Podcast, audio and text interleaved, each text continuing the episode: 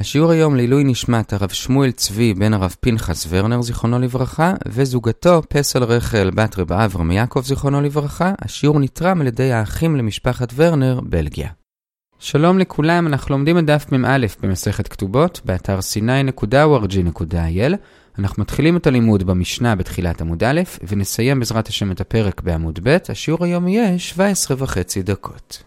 היום נחלק את השיעור לשלושה חלקים. בחלק הראשון נדבר על העיקרון של מודה בקנס פטור, ונראה לזה כמה דוגמאות.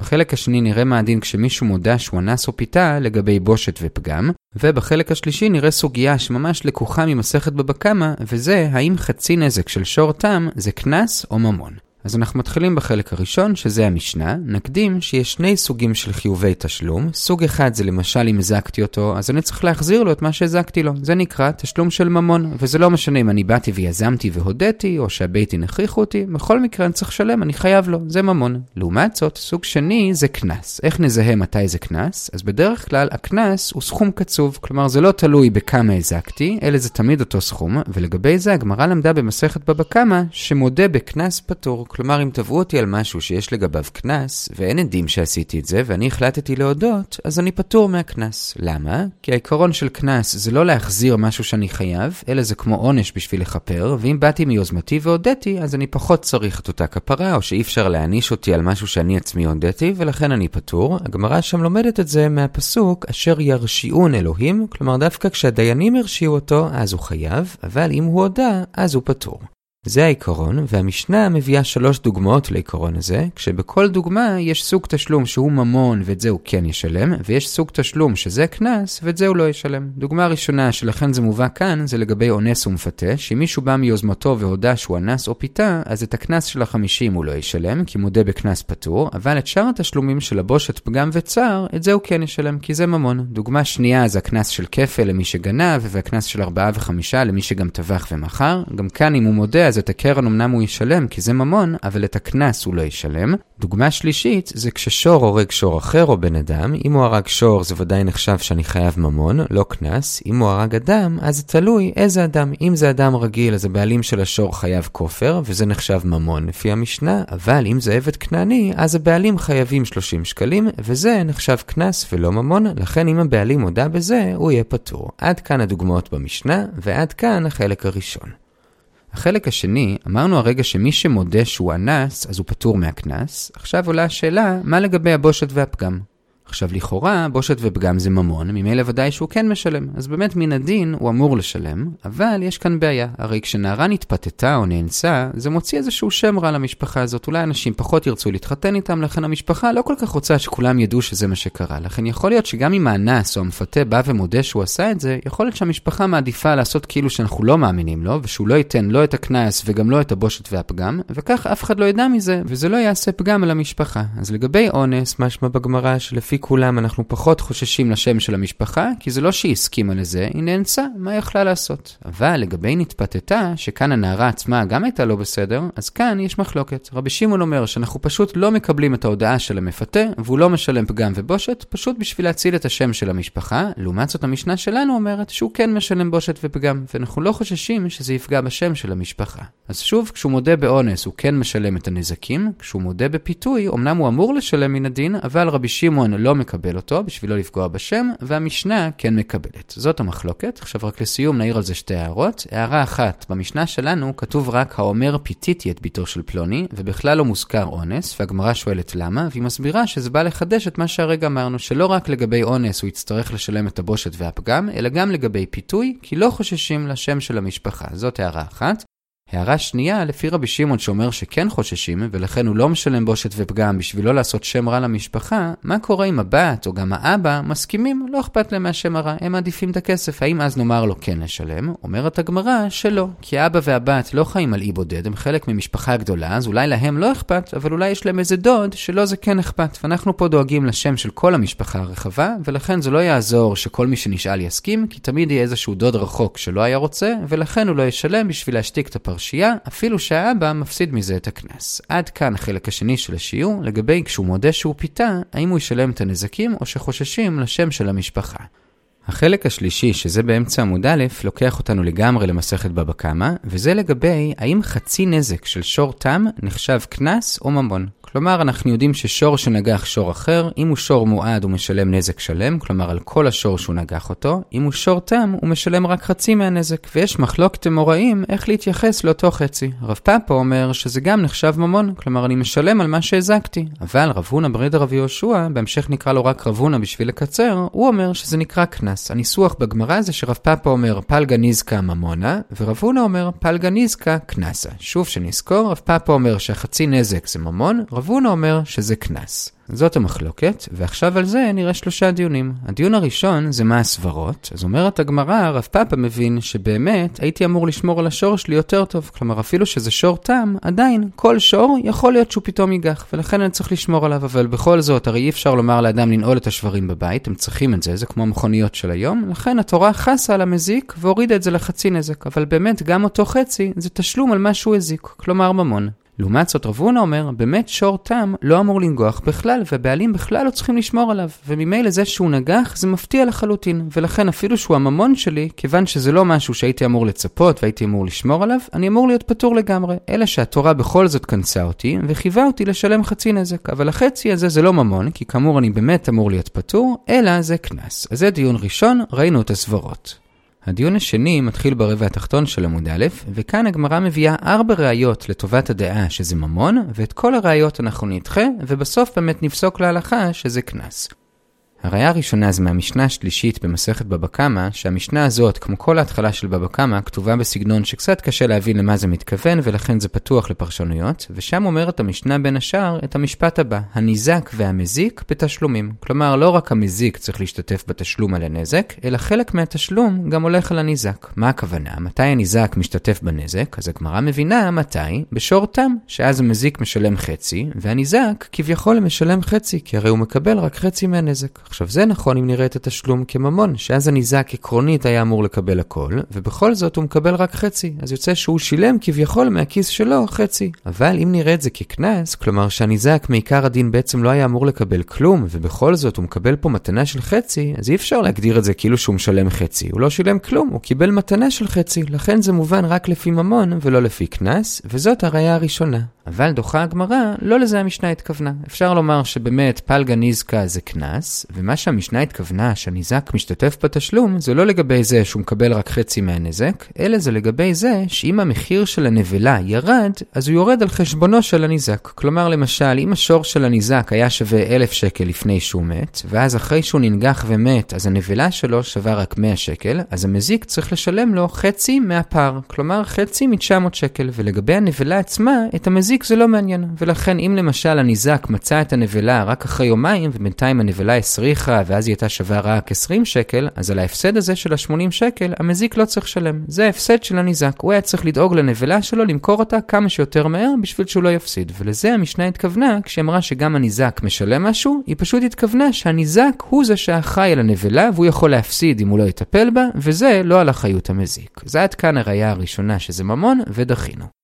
הראיה השנייה שזה ממון, זה שמשנה אחרת בבבא קמא אומרת מה ההבדלים בין שור תם לשור מועד, והיא אומרת שיש שני הבדלים. הבדל אחד זה כמובן ששור תם משלם רק חצי נזק, ושור מועד משלם נזק שלם. הבדל שני, שכרגע רק נאמר אותו, לא נסביר אותו, כי זה לא העניין שלנו, וזה ששור תם משלם רק מגופו, ושור מועד משלם מעלייה. אלה שני הבדלים שהמשנה שם מזכירה. עכשיו אומרת הגמרא לענייננו, הרי לפי מי שאומר שחצי נזק זה קנס ולא ממון, אז יוצא שיש עוד הבדל בין שור תם לשור מועד, שהמשנה שם לא הזכירה, וזה כמו שאמרנו במשנה אצלנו, שמודה בקנס פטור, אבל מודה בממון חייב. ממילא מי שיודע שהשור תם שלו נגח אמור להיות פטור, ומי שיודע שהשור המועד שלו נגח אמור להיות חייב. אז למה המשנה שם לא הביאה גם את ההבדל הזה, אלא מכאן מוכח שאין הבדל כזה. כלומר באמת, חצי נזק זה ממון, וזה לא קנס, ולכן אין הבדל כזה. זאת הראייה השנייה, אבל גם את זה כאמור הגמרא דוחה, והיא אומרת, יש הבדל כזה. ולמה המשנה לא הביאה אותו? היא לא הביאה את כל ההבדלים. יש עוד הבדל שהיא לא הביאה. איזה עוד הבדל היא לא הביאה, אז יש עוד הבדל, אבל הוא נתון במחלוקת בין רבנן לבין רבי יוסי הגלילי. לפי רבי יוסי הגלילי אין עוד הבדל שהיא לא הביאה, אבל לפי רבנן יש. וממילא בשביל לתרץ את רב הונא שאומר שזה קנס, הוא ייאלץ לומר שאותה משנה בבבא קמא היא כמו רבנן, שבאמת יש עוד הבדל, ובאמת המשנה שם לא התכוונה להביא את כל ההבדלים, והיא לא הביאה לא את ההבדל לגבי כשהוא מודה בחצי נזק, וגם לא את ההבדל הנוסף. זה התירוץ באופן כללי. עכשיו בואו נראה מה זה אותו הבדל נוסף, שכאמור נתון במחלוקת רבנן ורבי יוסי הגלילי. אז ההבדל הנוסף זה לגבי שור שהרג אדם. שור שהרג אדם, אם הוא שור מועד, אז הבעלים משלמים כופר, שזה או הערך של הבעלים של השור המזיק, או הערך של האדם שנהרג, בכל אופן משלמים כופר. אבל מה לגבי שור תם? אז בזה יש מחלוקת. רבנן אומרים ששור תם לא ישלם כלום, כמו שכתוב, ובא על השור נקי, אבל רבי יוסי הגלילי אומר שהוא ישלם חצי, כמו בכל נזק של שור תם. אז שוב, רבנן אומרים שהוא לא משלם כלום, רבי יוסי הגלילי אומר שהוא משלם חצי. עכשיו, לפי רבי יוסי הגלילי, אין כאן הבדל נוסף בין שור מועד לשור תם, כי גם כאן שני משלמים, השאלה היא רק כמה. אבל לפי רבנן, יש כאן עוד הבדל בין שור מועד לשור תם, ששור מועד משלם על הריגת אדם, ושור תם לא. אז ממילא, לפי רבנן, יש כאן עוד הבדל שהמשנה בבבא קמא לא הזכירה בין שור מועד לשור תם. אז ממילא לענייננו, רב פאפה שאומר שחצי נזק של שור תם זה ממון, אז ממילא אין הבדל לגבי מודה בחצי נזק בין שור מועד לשור תם, וממילא זה שהמשנה בבבא קמא לא הזכירה את ההבדל הזה, זה מובן, כי באמת אין הבדל כזה, אז הוא גם יצטרך לומר שגם אין עוד הבדל לגבי כופר. כלומר, רב פאפה יצטרך לומר שהמשנה בבבא קמא שם שמנתה את ההבדלים היא כמו רבי יוסי הגלילי. כלומר, לדעתו אין שום הבדלים נוספים שהמשנה שם יכלה להזכיר, והיא לא הזכירה, כי אין הבדל נוסף לא לגבי מודה וגם לא לגבי כופר. לעומת זאת, רב הונא שאומר שחצי נזק זה קנס, וממילא לגבי מודה בחצי נזק יש הבדל בין מועד לבין תם, כי מועד ישלם כי זה ממון, ותם לא ישלם כי זה קנס, הוא ייאלץ לומר שאותה משנה בבבא קמא שלא הזכירה את ההבדל הזה, זה כי היא גם לא הזכירה עוד הבדלים. איזה עוד הבדל היא לא הזכירה? את ההבדל לגבי כופר, וממילא הוא יצטרך לומר שאותה משנה היא כמו רבנן לגבי כופר, שלדעתם גם לגבי כופר יש עוד הבדל בין מועד לבין תם. אז גם את הראייה הזאת נגד קנס דחינו, וממילא גם יצא לנו מחלוקת איך להבין את המשנה בבבא קמא. שתי הראיות הבאות הן מהמשנה שלנו. הראיה השלישית בשורה השנייה בעמוד ב', וזה מהדוגמה השלישית במשנה שלנו. בדוגמה השלישית, לגבי דברים שאדם מודה בהם, שיש דברים שהוא ישלם עליהם כי הם ממון, ויש דברים שהוא לא ישלם עליהם כי הם קנס, המשנה הביאה דוגמה של אדם שמודה שהשור שלו פגע במישהו אחר. אז אם הוא פגע באדם רגיל או בשור רגיל, זה נקרא ממון והוא משלם. אם הוא פגע בעבד כנעני, אמרנו שזה נקרא קנס והוא לא משלם. זה מה שראינו במשנה. עכשיו, לגבי מה שהרגע אמרנו, שכשהוא מודה שהוא פגע בשור אחר, אז הוא כן ישלם, אז כאן כמובן כל אחד יצטרך להסביר את זה לשיטתו. כלומר, רב פאפה יכול לומר שמדובר במשנה שלנו גם בשור תם, ובכל זאת הוא כן משלם, כי חצי נזק זה ממון, זה לא קנס. לעומת זאת רב הונא יצטרך לומר במשנה שלנו שהכוונה היא לשור מועד, כי הרי אם זה היה שור תם, זה היה קנס, ומודה בקנס פטור. אז לכאורה שני מסתדרים עם המשנה, אבל אומרת הגמרא שזה לא כל כך פשוט, ובאמת רב פאפה מסתבר יותר. למה? כי אם נאמר כמו רב הונא, שהמשנה מדברת דווקא על שור מועד, אבל באמת בשור תם זה קנס, ולכן הוא לא משלם כשהוא הודה מעצמו, אז זה לא מובן למה המשנה עצמה לא הזכירה את זה. כי הרי המשנה עצמה, כל פעם בכל אחת מהדוגמאות, הביאה מקרה שהוא משלם כי זה ממון, ומקרה שהוא לא משלם כי זה קנס. אז הדוגמה שהמשנה הביאה לגבי שור, זה לגבי כשהוא הרג עבד כנעני, שעל זה הוא לא משלם כי זה קנס. אבל שואלת הגמרא, אם אתה אומר שגם חצי נזק זה קנס, אז למה המשנה לא הביאה את זה? למה היא קפצה לדוגמה רחוקה של עבד כנעני בשביל להביא דוגמה לקנס? שתמשיך לדבר על זה שהוא פגע בשור, כמו שהביאה מקודם, ופשוט אומר, אם זה שור מועד הוא משלם כי זה ממון, ואם זה שור תם הוא לא משלם כי זה קנס. ממילא מזה שהמשנה לא הביאה את זה, מסתבר יותר כמו רב פאפה לכאורה, שגם חצי נזק זה ממון, ולכן המשנה לא הביאה את הדוגמה הזאת, אלא את הדוגמה של עבד כנעני. זאת הראייה השלישית, אבל דוחה הגמרא, לא. יכול להיות שבאמת המשנה היא כמו רב הונא, שגם חצי נזק זה קנס, וגם על זה הוא לא ישלם כשהוא הודה, וזה שהמשנה לא הזכירה את זה, זה לא קשה. המשנה רצתה להיות עקבית לאורך כל החלק הזה של המשנה, ולדבר על מקרים שיכולים להתקיים גם בשור מועד. לכן היא לא הזכירה את המקרה של שור תם, אבל באמת, גם בשור תם, אם הוא יודע, הוא לא ישלם. פשוט המשנה לא הזכירה. אז גם את הראייה השלישית דחינו, ואנחנו עוברים לראייה הרביעית והאחרונה, גם היא מהמשנה. בסוף המשנה יש עוד משפט שעוד לא הזכרנו אותו, וזה שהמשנה הביאה כלל. תדע לך מתי דבר נחשב ממון ומתי הוא נחשב קנס. אז הכלל שהמשנה הביאה הולך כך, כל מי שמשלם יותר ממה שהוא הזיק, זה אומר שהתשלום הזה הוא קנס. למשל, מי שהורג עבד כנעני, גם אם העבד עצמו שווה רק דינר אחד, הוא עדיין ישלם 30 שקלים. זה אומר שזה קנס. עכשיו, מכאן אפשר לדייק שאם הוא לא משלם יותר, אלא פחות, זה מראה שזה ממון וזה לא קנס. כלומר, כמו דעת רב פאפה, שחצי נזק זה ממון. זאת הראייה הרביעית, ובהתחלה הגמרא אומרת שהראייה הזאת היא מאוד קשה והיא נשארת בטיובטה, אבל מיד אחרי אחרי זה הגמרא בכל זאת מתרצת, והיא אומרת, כשהמשנה אמרה שאם זה יותר זה קנס, היא לא התכוונה דווקא יותר. היא התכוונה, כל עוד זה לא המחיר של הנזק, זה מראה שזה קנס. ולמה באמת כך היא התנסחה? למה היא לא פשוט אמרה, כל עוד זה לא התשלום של הנזק, זה מראה שזה קנס? למה היא אמרה דווקא יותר? כי באמת, בדרך כלל גם כשזה פחות, זה מראה שזה קנס, כמו בחצי נזק של שור, אבל יש מקרה אחד שבו משלמים פחות מהנזק, ששם ברור לפי כולם שזה כן ממון. לכן היא לא רצתה להזכיר בכלל גם כשזה פחות, כי שם זה לא תמיד נכון, אלא הזכירה רק את היותר. אבל באמת, גם לפי המשנה, חצי נזק לפי רבונה הוא קנס ולא ממון. עכשיו בסוגריים, מה זה אותו מקרה שבו משלמים פחות וזה לא קנס אלא ממון? המקרה הוא צרורות. כלומר, כשבהמה הולכת והזיקה, לא ברגליים שלה באופן ישיר, אלא היא פגעה באבנים למשל, והם עפו באוויר והזיקו משהו, זה נקרא צרורות, והדין הוא שמשלמים רק חצי נזק, והחצי נזק הזה, זה ברור שזה נקרא ממון ולא קנס. לכן, כאמור, המשנה לא רצתה להזכיר בכלל שלה גם את הפחות. אז בזה סיימנו את ארבע הראיות לטובת רב פאפה שזה ממון, אבל את כל הראיות דחינו כך שגם רב הונא יכול להסתדר, ובאמת בסוף הגמרא פוסקת להלכה כמו רב הונא, שחצי נזק זה קנס ולא ממון. עד כאן הדיון השני לגבי מחלוקת רב הונא ורב פאפה. הדיון השלישי והאחרון זה ממש באמצע עמוד ב', וזה פסק הלכה אקטואלי לאור מה שלמדנו, לחלק את זה לארבעה שלבים.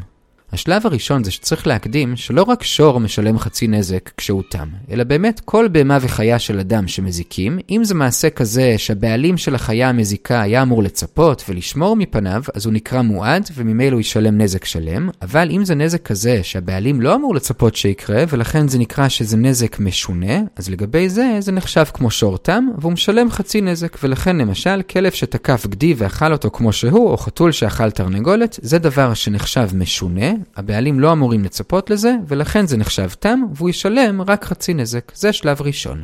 שלב שני בפסק ההלכה, אומרת הגמרא, רק דיינים סמוכים יכולים לדון בדיני קנסות. כלומר, בדיני ממונות, גם דיינים לא סמוכים יכולים לדון. אבל בדיני קנסות, רק דיינים סמוכים. וממילא ממשיכה הגמרא, בארץ ישראל שעדיין היו סומכים, הם יכולים לדון גם בדיני קנסות, אבל בבבל, ששם כבר לא היו סומכים, הם לא דנים בדיני קנסות, וממילא במקרה הזה למשל של כלב שאכל גדי, כיוון שזה נחשב קנס להלכה, כי כאמור פסקנו כמו רב הונא שחצי נזק זה נחשב קנס, אז בבבל אי אפשר לדון לדון בזה, וממילא הניזק, לכאורה, לא יקבל כלום. זה השלב השני בפסק.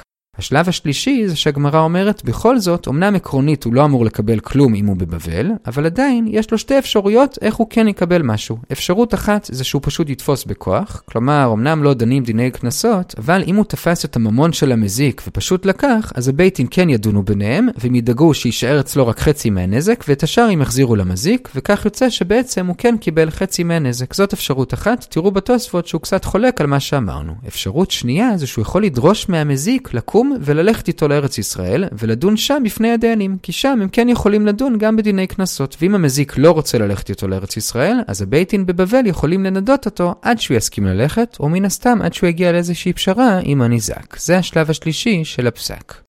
השלב הרביעי והאחרון של הפסק, בלי קשר למה שהרגע אמרנו שהוא יכול לנסות להוציא ממנו את הממון או בכוח או לגרור אותו לארץ ישראל, השלכה נוספת של הסיפור זה שהבייטין בבבל יכולים לדרוש מאותו מזיק להיפטר מאותו כלב או חתול מסוכנים, ואם הוא לא מסכים, גם על זה הם יכולים לנדות אותו. כי אמנם באופן כללי כלב וחתול לא אמורים להיות מסוכנים, אבל אנחנו רואים שהכלב והחתול שלו כן מסוכנים, ולכן גם בבבל הם יכולים לדרוש ממנו להיפטר מזה, כמו שכתוב, ולא תשים דמים בביתך. עד כאן הדיון השלישי לגבי חצי נזק. הפרק. בזה בעזרת השם סיימנו את הפרק, בעזרת השם הדרן הלך אלו נערות. נעצור כאן, נחזור על מה שראינו. חילקנו היום את השיעור לשלושה חלקים. בחלק הראשון ראינו את הכלל של מודה בקנס פטור, וראינו לזה שלוש דוגמאות. דוגמה ראשונה, באונס ומפתה, אז הוא משלם את הנזקים, אבל הוא לא משלם את הקנס של ה-50 שקלים. דוגמה שנייה, לגבי גנב, הוא משלם את הקרן, אבל הוא לא משלם את הכפל ואת הארבעה וחמישה. ודוגמה שלישית, לגבי שור שנגח אדם, אז אם הוא נגח אדם רגיל הוא ישלם את הכופר, כי זה ממון, אבל אם הוא נגח עבד כנעני, הוא לא ישלם את ה 30 שקלים כי זה קנס. זה היה בחלק הראשון.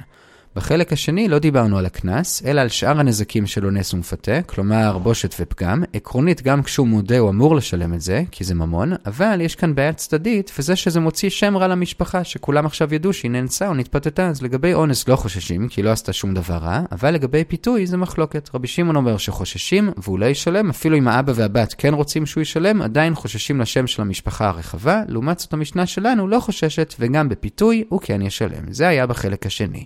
בחלק השלישי ראינו מחלוקת לגבי פלגה ניזקה, כלומר חצי הנזק שמשלמים כששור תם נוגח ומזיק, לפי רב פאפה זה נחשב ממון, לפי רב הונא קנס, לגבי זה ראינו שלושה דיונים, דיון ראשון זה מה הסברות, אז רב פאפה אומר שזה ממון כי באמת מן הדין המזיק אמור לשלם הכל, אלא שהתורה חסה עליו, לכן החצי שנשאר זה חצי מהממון שהוא היה אמור לשלם, כלומר זה ממון, לעומת זאת רב הונא אומר שבאמת מן הדין הוא אמור להיות פטור לגמרי, אלא שהתורה חייבה אותו בקנס של חצי, זה הסברות. בדיון השני ראינו ארבע ראיות לטובת רב פאפה שזה ממון, אבל את כולם דחינו. הראיה הראשונה הייתה ממשנה בתחילת בבא קמא, שאומרת הניזק והמזיק בתשלומים, כלומר לכאורה לניזק יש גם כן חלק בתשלומים, כלומר בזה שהוא מוותר כביכול על חצי, כלומר כמו שיטת רב פאפה, אבל דחינו, לא, זה לא מדבר על זה, אלא זה מדבר על זה שהניזק יפסיד אם הוא לא יטפל מהר בנבלה, זה הכוונה שהוא משלם, על זה שהוא לא טיפל בנבלה והמחיר שלה ירד. הראיה השנייה הייתה ממשנה אחרת בבבא קמא שהביאה את ההבדלים בין שור תם לשור מועד, והיא לא הביאה את ההבדל לגבי זה שאם הוא מודה בזה שהוא צריך לשלם, אז הוא לא משלם, כלומר כמו רב פאפה שזה ממון, ונגד רב הונא שאומר שזה קנס, כי הרי מודה בקנס פטור, אבל דוחה הגמרא, יכול להיות שגם לאותה משנה יש גם את ההבדל של רב הונא, שאם הוא מודה אז הוא יהיה פטור בשור תם, אלא שפשוט המשנה לא הזכירה את כל ההבדלים. ובאמת יש עוד הבדל, שהוא נכון רק לפי רבנן, וזה שאם שור מועד הורג אדם אז הבעלים משלמים כופר, ואם שור תם הורג אדם, לפי רבנן הוא פטור לגמרי, לפי רבי יוסי הגלילי הוא חייב, אז רב הונא יאמר שהמשנה שם היא כמו רבנן, וממילא יש עוד הבדל שהמשנה לא הזכירה, ולכן זה לא קשה עליו.